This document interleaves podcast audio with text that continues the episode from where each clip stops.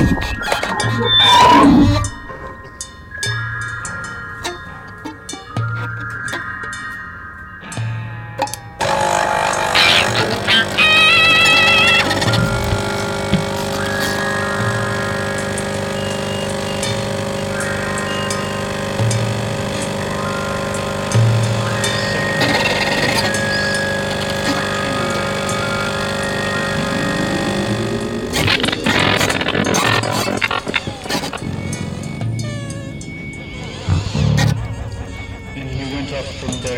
Bethel. And as he was going up the way, young lads came out.